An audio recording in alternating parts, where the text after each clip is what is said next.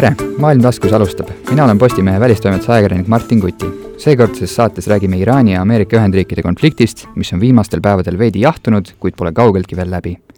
päevapoliitikast veidi kaugemale vaadates püüame sotti saada Iraanist ning sellest, kuidas see Lähis-Ida suurjõud mõtleb. selleks on meiega liitunud Tartu Ülikooli islamistika lektor ja Aasia keskuse juhataja Elo Süld, tere! tere! Kui me vaatame ajas tagasi, siis Iraan oli kunagi riik, mis oli USA-ga lähedane. ühel hetkel asjad muutusid, Ameerika sai vaenlaseks number üks, miks nii läks? no siin on mitu asja, esiteks põhi nagu, mis tänane süüdistus on see, et aastal tuhat üheksasada viiskümmend kolm,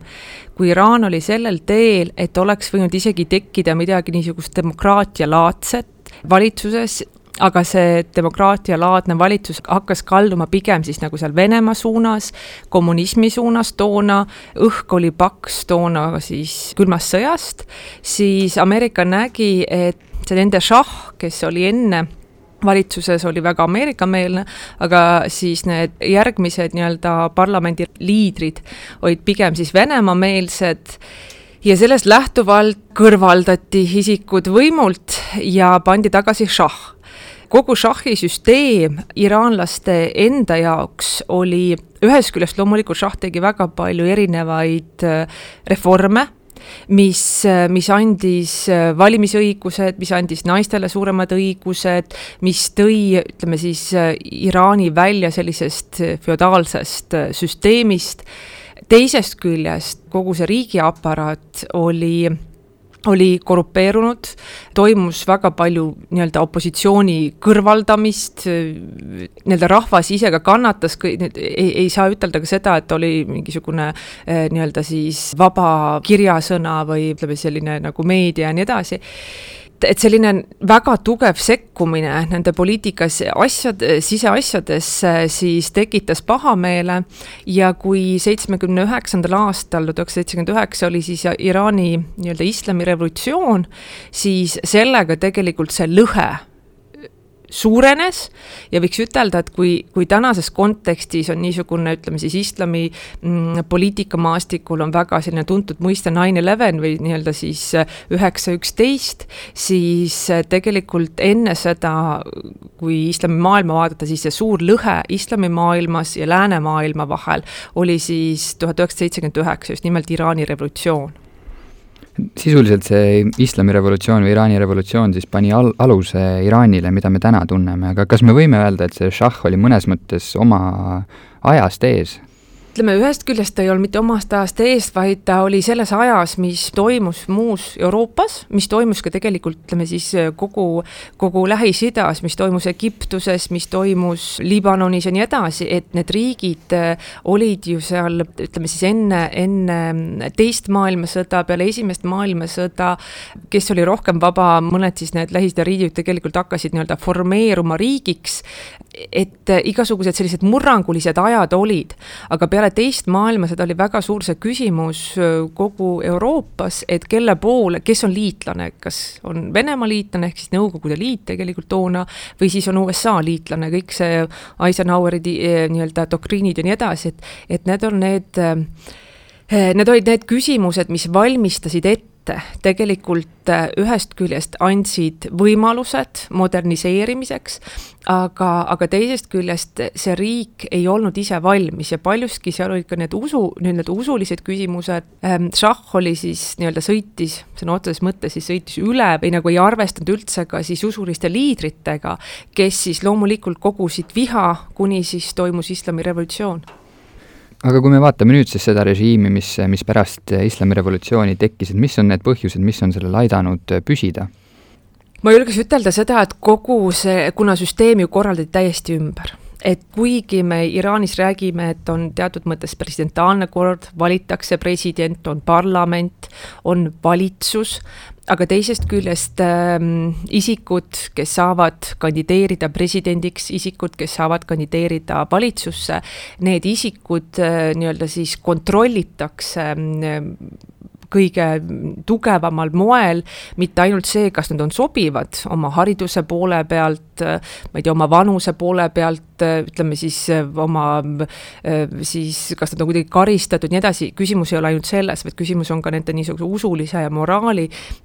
ja paljuski ka niisuguse süsteemi truuduse poole pealt ja, ja suurel ajatollal on siis see peavõim. et see oli siis juba peale seda revolutsiooni seitsekümmend üheksa, ajatolla niisugune suur võim või ütleme, selline ülemvõim kehtestati, kuni siis selleni, et ajatollal on õigus ähm, sõjaolukord kuulutada välja, tal on nagu absoluutne voli siis äh, nii parlamendi presidenti kui ka tegelikult noh, võtame kas või nagu siis äh, finantsküsimused ja nii edasi. küll on teatavad õigused, äh, nõuandvad õigused ja kohustused loomulikult presidendil, parlamendil, valitsusel, aga nii-öelda see lõppküsimus, see instants juba sellest, et kes sinna valitsusse või kes sinna presidendiks või kes sinna parlamenti valitakse, seal on ühest küljest ajatolla ja teisest küljest siis see nagu valvajate või, või siis niisuguste vaimuliku kogu, kes siis nii-öelda siis kontrollivad ja otsustavad selle üle. Ehk siis sisuliselt me saame öelda, kui me Iraani vaatame, et ajatolla Ali Khamenei, et tema võim on, on piiritu jaa, selles suhtes see võim, see piiritu võim on talle seaduse poolt antud et see on, aga loomulikult see, ütleme teisest küljest me peame ka ütlema seda, et ajatollaks ei ole võimalik lihtsalt nüüd saada, et sa oled kuskil mingis dünastias ja tema oma kellelegi pojale pärandab selle või sugulasele edasi. et see ei ole nüüd päris selline diktaatorlik või autokraatlik võim, mida me siis kohtasime enne Araabia kevadet, ütleme seal enne kahe tuhande kümnendat, kahe tuhande üheteistkümnendat aastat Lähis-Idas siin Mubaraki ja ja, ja teiste diktaatorite näol. ta on vaimulik, ta on ikkagi vaimulik liider ta nagu siis haldab väga palju seda vaimulikku aparaati ja, ja loomulikult on tal omad nii-öelda siis, kuidas ma ütlen, oma kaardivägi, sealhulgas ka siis nii-öelda see mõrvatud kindral või, või tapetud kindral siis Sulemanei, kes siis ka tema kuulus nii-öelda siis selle mm, ajatolla kaardiväe hulka ja kui lähemalt rääkidagi sellest revolutsioonilisest kaardiväest, et kuidas seda, kuidas nende mõjuvõimu Iraanis võiks kokku võtta? Nüüd äh, see sõjaväelise poole pealt? Äh, just, ja, ja mõju, mil-, mida nad omavad ka, ka poliitilisele elule tegelikult, sest ma saan aru, et nende ülesandeks on poliitilise süsteemi kaitsmine. poliitilise süsteemi kaitsmine ja teatud mõttes välissuhete haldamine. et see, mida nüüd selle, selle Sulemanei puhul nagu nähakse, et või ütleme, et nagu see hukk, mida see tähendab siis ka Iraanile või kelle Iraan kaotas, oli ikkagi nii-öelda siis, ta ei olnud ainult üks, üks kindralitest, vaid ta oli üks välispoliitika ja välis, ütleme siis sellise äh, välispoliitika võtmeisikuid selles osas, et tema oli see, kes suhtles, ütleme, Süüriaga, kes suhtles äh, siis Liibanoniga, Palestiinaga, kes suhtles Venemaaga, kes oli siis võtmeisik nende küll loomulikult sõjategevuse tegevuse suhtes, aga selles suhtes partnerite osas, et äh, kes, kes on partnerid, mida rünnatakse, mida kaitstakse, kus need jõujooned jooksevad, et, et selles osas see kaotus ei olnud mitte niivõrd, et lihtsalt üks kindral mitmete seast, vaid üks juhtfiguur välispoliitilistes suhetes kaotati mõned on, on siin ka väitnud, et, et sisuliselt on Soleimani roll oli suurem kui, kui välisministril, et, et kuidas seda hinnata?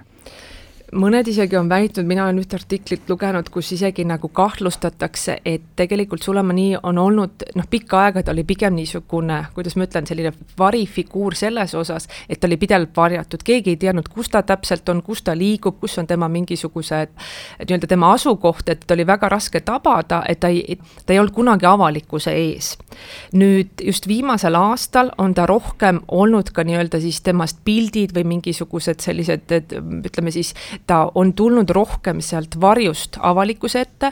siis on spekuleeritud pisut ka sellega, et ta, kas ta on mingil määral mingisugune uus nii-öelda presidendi äh,,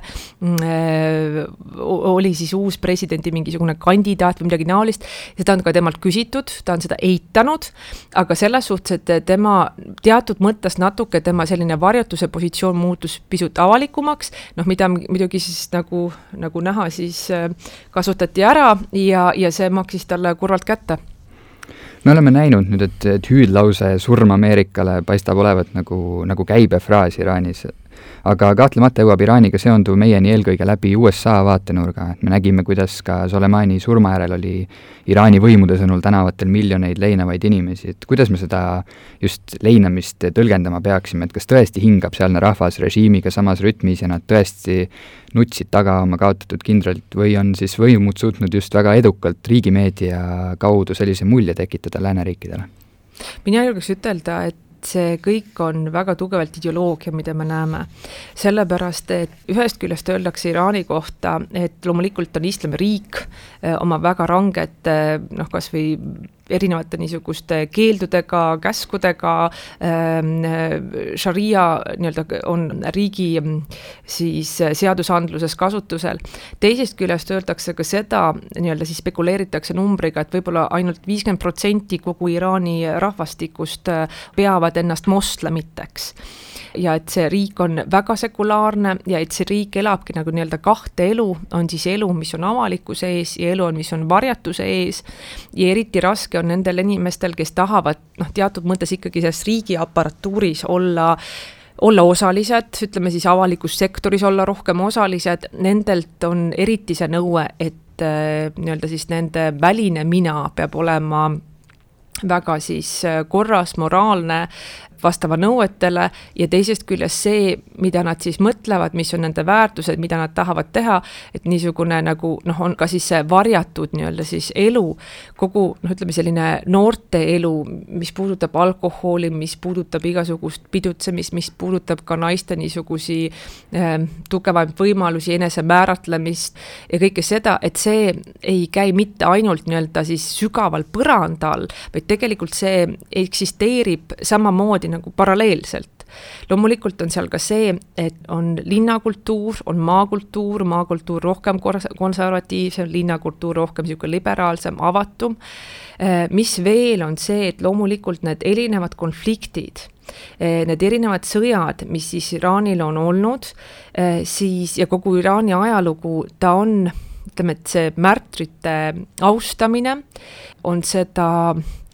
seda riiki ja ütleks mitte ainult seda riiki, vaid siis kuna Iraanis on šiiitlus, siis võiks ütelda kuskil kaheksakümmend, kaheksakümmend viis protsenti siis ela-, ütleme siis elanikkonnast, loomulikult üle üheksakümne protsendi elanikkonnast on usklikud ja vot sellest usklikkonnast siis enamus on šiiidid ja šiiitluses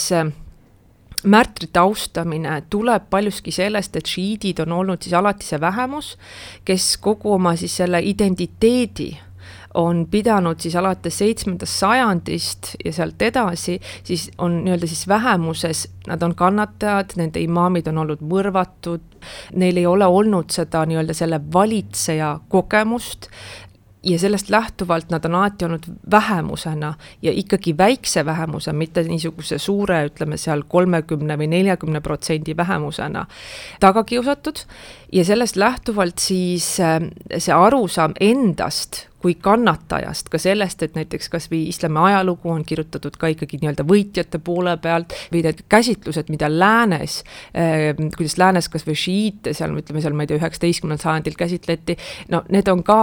väga palju kallutatud. Ja selles see nägemus, enda nägemus on ikkagi nii-öelda, nad on märtrid. loomulikult seesama, et nende nii-öelda siis need usu ja teatud mõttes ka potentsiaalsed valitsusjuhid, imaamid, ka nemad on siis surnud märtrisurma, et see nagu mängib oma rolli selle märtri tähenduses ja loomulikult siis seda märtrit tõstetakse väga tugevalt ülesse ja mis on nagu oluline, mida näiteks sunniitlikus islamis me ei näe, on nii-öelda siis see kollektiivne süü tekkimine. et juba aastal kuussada kaheksakümmend, kui siis oli see kurikuulus Kerbel lahing, kus siis äh, Ali poeg Hussain siis äh, nii-öelda mõrvati, kes oli see potentsiaalne järgmine kaliif,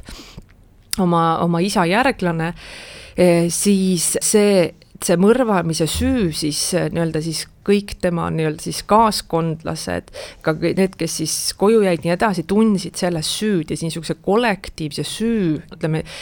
teadlik ja forsseeritud näitamine, see on väga oluline, see on läbi ajaloo olnud šiitluses väga oluline. et selles suhtes, et see nagu võiks ütelda, et see ei ole mitte niivõrd ideoloogia, kuivõrd see on selle kultuuri osa kollektiivse süü siis endale võtmine, aga teisest küljest ideoloogia loomulikult et see, mis ka näiteks, kui siis Nõukogude Liidu ajal erinevad suured nii-öelda siis äh, parteijuhid surid ja olid suured matused, olid suured leinarongkäigud, siis loomulikult noh, seal oli väga palju ideoloogiat. Ja ka nüüd nendes, nendes nii-öelda siis aktsioonides, kus justkui sajad tuhanded, miljonid inimesed justkui kogunevad selleks nii-öelda siis mõrvatud kindrali austuseks, siis ühest küljest on siin kollektiivsed süüd, teisest küljest on siin ideoloogiat ühe väga hea näitena ma Saksa meediast leidsin niisuguse nii-öelda siis lõike, kus, kus analüüsiti ka siis Iraani enda meediat. Ja toodi näide, et üks päevalehtedest kirjutas, et tapeti, et kasutati sõna tapeti siis suur kindral. Ja siis nüüd Iraani enda meedia ründas siis seda meediat, kes sõnastas selle sündmuse ainult üheks tapmiseks, et kuidas see on võimalik, et see oli mõrv, see oli märtrisurm ja, ja no nii edasi. et selles suhtes niisugune seisukoha võtmine tegelikult käib loomulikult Iraanis endas ka. Ja on need, kes siis on vähemuses, need, kes on enamuses ja on ka see, mida püütakse näidata. Sellise Iraani sellise ühtsena, et me oleme täiesti ühtsed nüüd selle, selle sündmuse taga Te mainisite imaam Husseini ja pärast äh, Soleimani tapmist nüüd vandus Iraan siis verist kättemaksu Ameerikale ja, ja Qumi linnas heisati punane lipp, mis siis viitas kättemaksule imaam Husseini eest. kui lähemalt rääkida kättemaksust äh, šiiitlusest, siis millised need põhilised tõekspidamised on? ma ütleks teisipidi, ma alustaks niipidi, šiitluses on näiteks väga huvitav see, et kuna ta on olnud tagakiusatud, nii-öelda siis äh, religioosne rühm,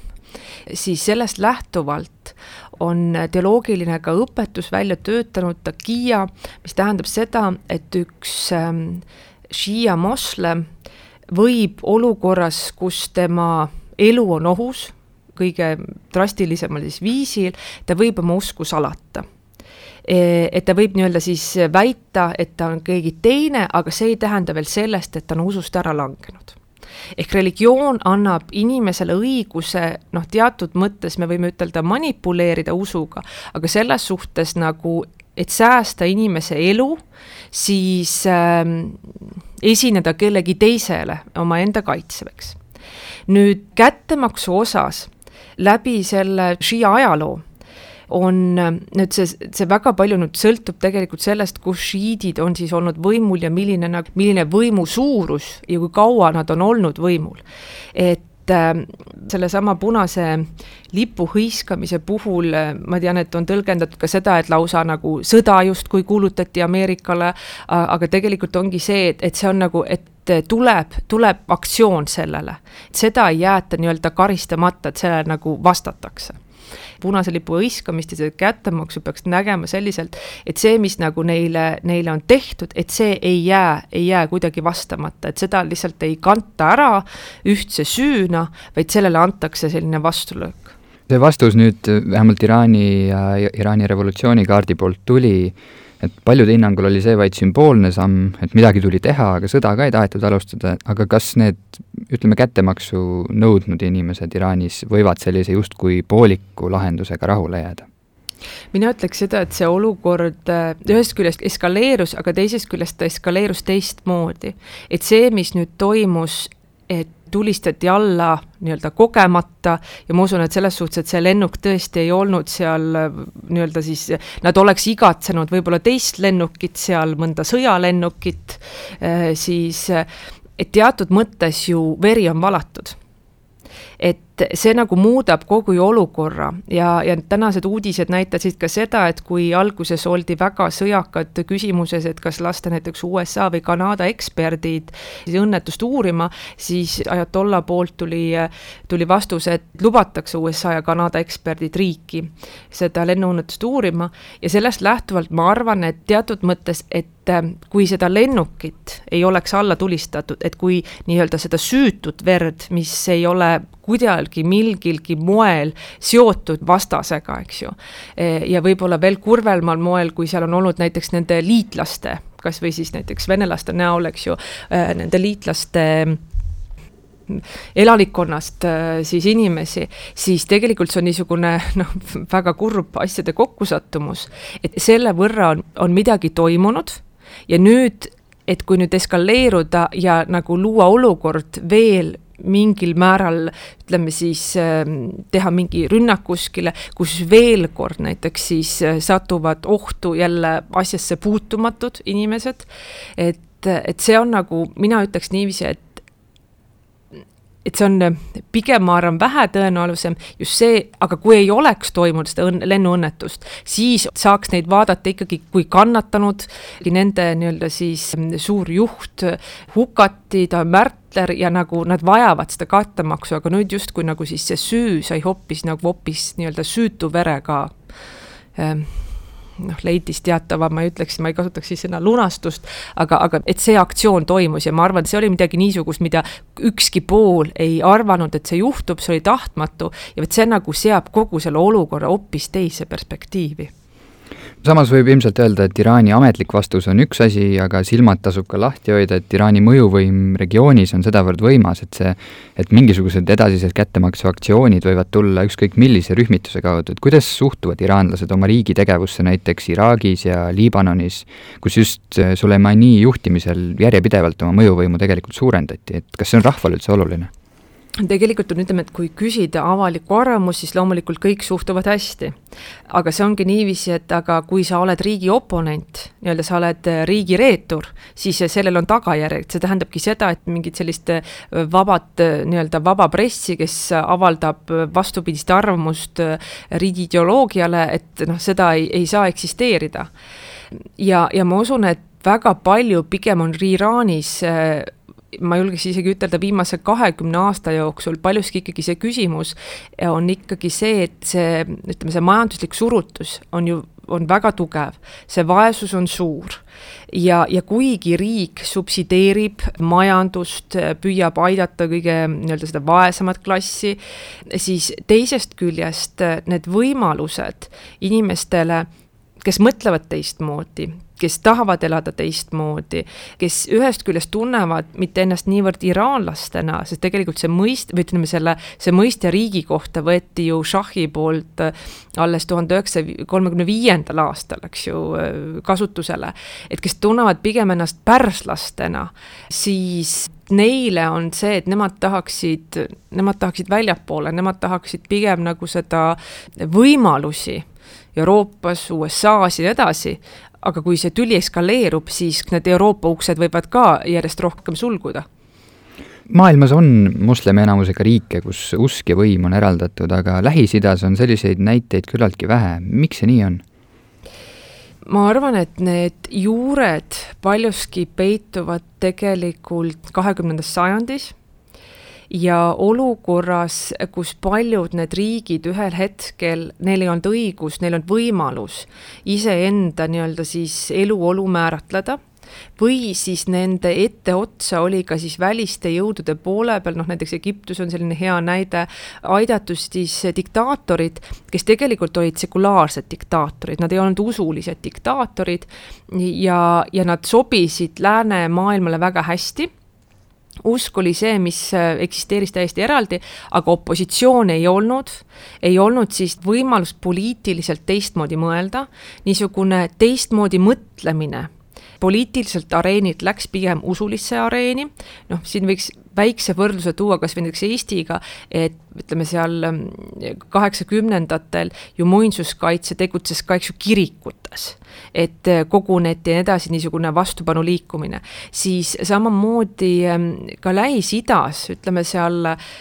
seal kaheksakümnendatel, üheksakümnendatel selline nii-öelda siis see vastupanu sellele sekulaarsele diktaat-, diktaatori režiimile oli väga palju mošeedes. see toimus väga palju usulises keeles. aga kui nüüd üks poliitik hakkab äh, nii-öelda siis ennast äh, formeeruma, äh, kujundama just usulises keeles, tekib see konflikt, et, et ühel hetkel, kui on siis see võimalus olla parlamendis rääkida, lahendada küsimusi, siis tegelikult puudub igasugune oskus. et siis hakatakse pigem usulisest asjadest rääkima, aga vaja on rääkida hoopis, ma ei tea, maksusüsteemist, vaja on rääkida äh, majandusreformist ja sellistest asjadest, mitte usulistest asjadest. aga see kogemus on null ja see kogemus on toimunud ainult usulisel baasil. Teine asi loomulikult on see, et islam on oma olemuselt ta ongi avalik, ta ongi väga kollektiivne religioon, religioon ei ole midagi niisugust, mis on nagu inimese eraasi, vaikselt ta ise teeb seda, noh, tema pere teab või ei tea, on hõivatud, mitte, aga islamis on, on usk midagi, mis, mis ei puuduta ainult, ütleme siis, isikut, ei puuduta ainult tema niisugust tuumperekonda, vaid, vaid usk on väga kollektiivne, seda usku väljendatakse väga kollektiivselt, kõik erinevad, ütleme siis usu niisugused riitused, olgu see ramadani pidamine, olgu need palverännakud, olgu kas või siis see rituaalne palve, kõik on kollektiivne tegevus, see ei ole ainult nii-öelda selle üksikisiku enda sisemine spirituaalne tegevus. ja sellest lähtuvalt äh, peale selle, et ta on siis kollektiivne, avalik hõivab avalikku ruumi või siis võtame kas või ka siis äh, islamiseadus, islamiseadus ei ole midagi niisugust jälle nii-öelda ususeadus, et ta tegeleks ainult usuasjadega, et ta räägiks ainult seda, mis puudutab, ütleme, selliseid moraalseid küsimusi. islamiseadus on selline seadus, mis väga palju määratleb siis perekonnaõigust, pärimisõigust, valitsemisküsimusi, karistusseadustikku, loomulikult ta määrab üldiselt neid asju, annab mingid perspektiivid, aga selline valitsemisel usu arvestamine on tugevalt Äh, olnud ka nende ajaloos, et võrreldes näiteks kas või kristlusega, islam on olnud ju võidukas religioon, islamis ei ole olnud nii-öelda seda kannatusaega või seda aega, kus kõik moslemid on olnud väga tugevalt taga kiusatud, enne kui, kui mingilgi määral siis äh, religioon siis kuidagi riigistati või muudeti riigireligiooniks, et prohvet Muhamed oli edukas väejuht, oli väga edukas valitseja ja juba oma eluajal, eks ju, ta, ta laiendas oma valdusi, haaras erinevaid hõime enda alla äh,, mitte ainult sellega, et talle alistuda, vaid ka ideoloogilist, usulist äh,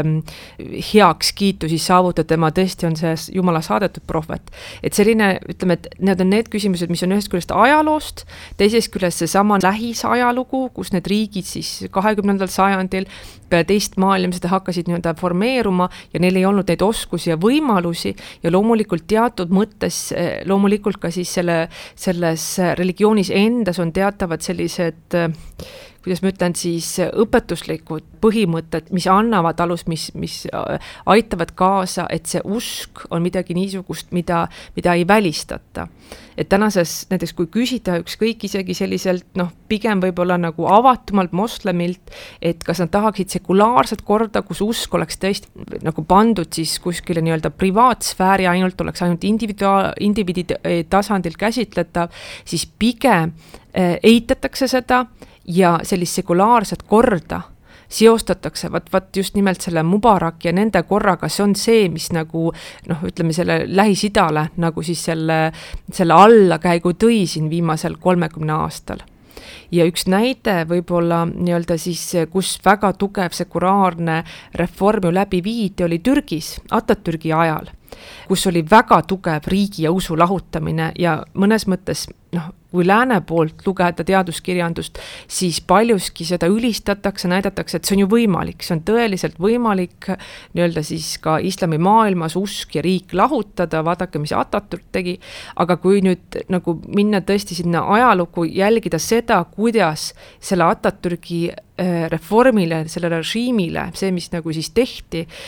kuidas siis inimeste sellest samast kollektiivsest äh, mõtlemisest, usulisest mõtlemisest seda ei arvestatud, seda nii-öelda välja taheti juurde lõigata, see pandi kuskile kalevi alla, siis siis muu Lähis-Ida maailm distantseerus sellest, see ei olnud nagu see idee, et jaa, et igal pool mujal tuleks ka sellised Atatürgid nii-öelda siis oma reformidega esile, olgu siis Araabia poolsaarel või olgu, ütleme seal Süürias või, või Egiptuse aladel, et seda pigem nähti ebameeldiva või, või nagu ebaõige hoiatusena no kuigi Teherani haare on lai, siis ei saa öelda, et Iraanil oleks regioonis just väga palju sõpru. läbi saadakse just kas šiitlike riikidega või riikidega, kus praegused juhid on šiia-moslemid, aga samas paistab, et Iraan ei loodagi ülearu palju liitlassuhetele regioonis, vaid on leppinud, et suure osaga Lähis-Idast ei hakatagi hästi läbi saama. aga küsimus on lihtne, et miks Iraanil Lähis-Idas eriti sõpru ei ole? No teatud mõttes, eks ju on ju, kui nagu ütleme, võttagi need tema lähiriigid, siis ongi seal teatud mõttes ta, ütleme, Hezbollah kaudu siis suheldakse ka osaliselt Palestiinaga, eks ju, loomulikult Liibanon, loomulikult Iraak, teatud mõttes, eks ju, tugevalt ka Süüria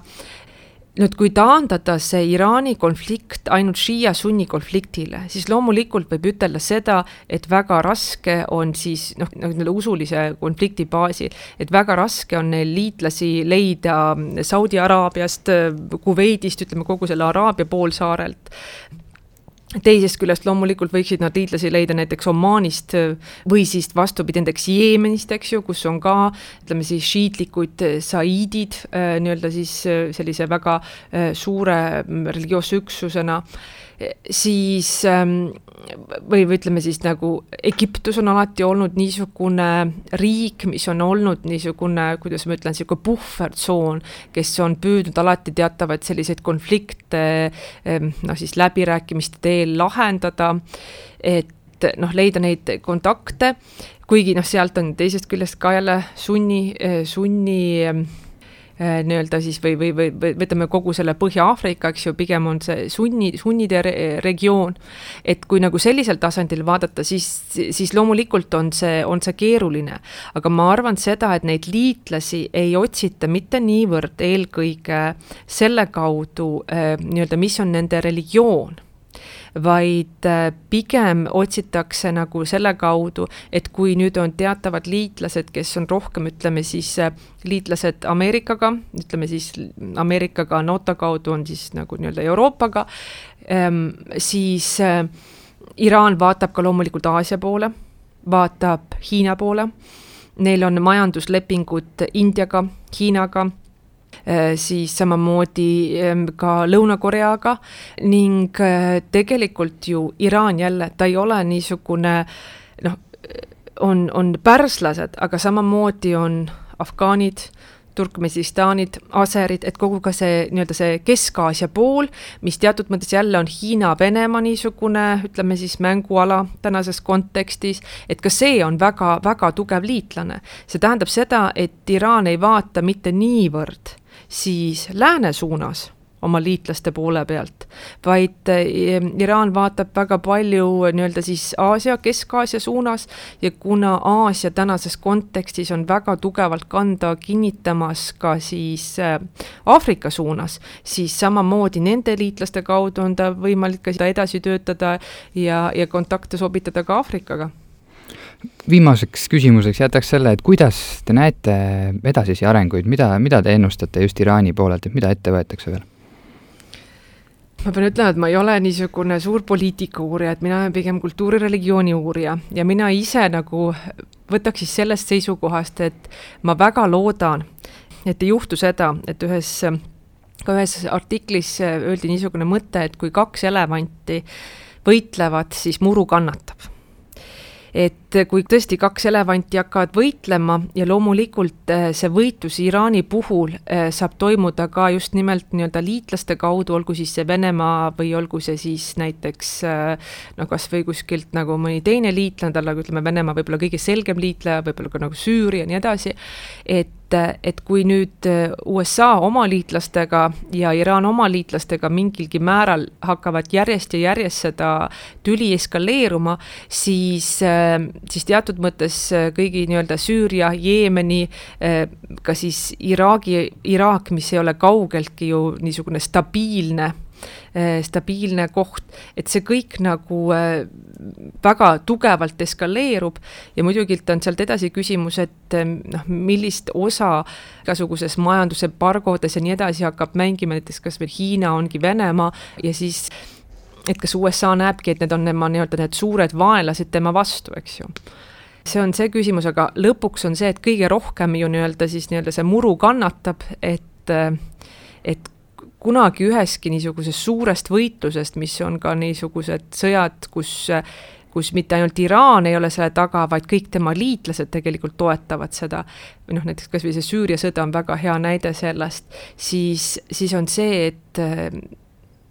sellele ei, siis sellele ei tulegi lõppu ja see lihtsalt vindub, vindub, inimeste kannatus läheb aina sügavamaks ja, ja raskemaks selle tõdemusega tõmbamegi seekordsele Maailm taskus saatele joone alla, aitäh meiega liitumast, Tartu Ülikooli islamistika lektor Elo Sült! aitäh!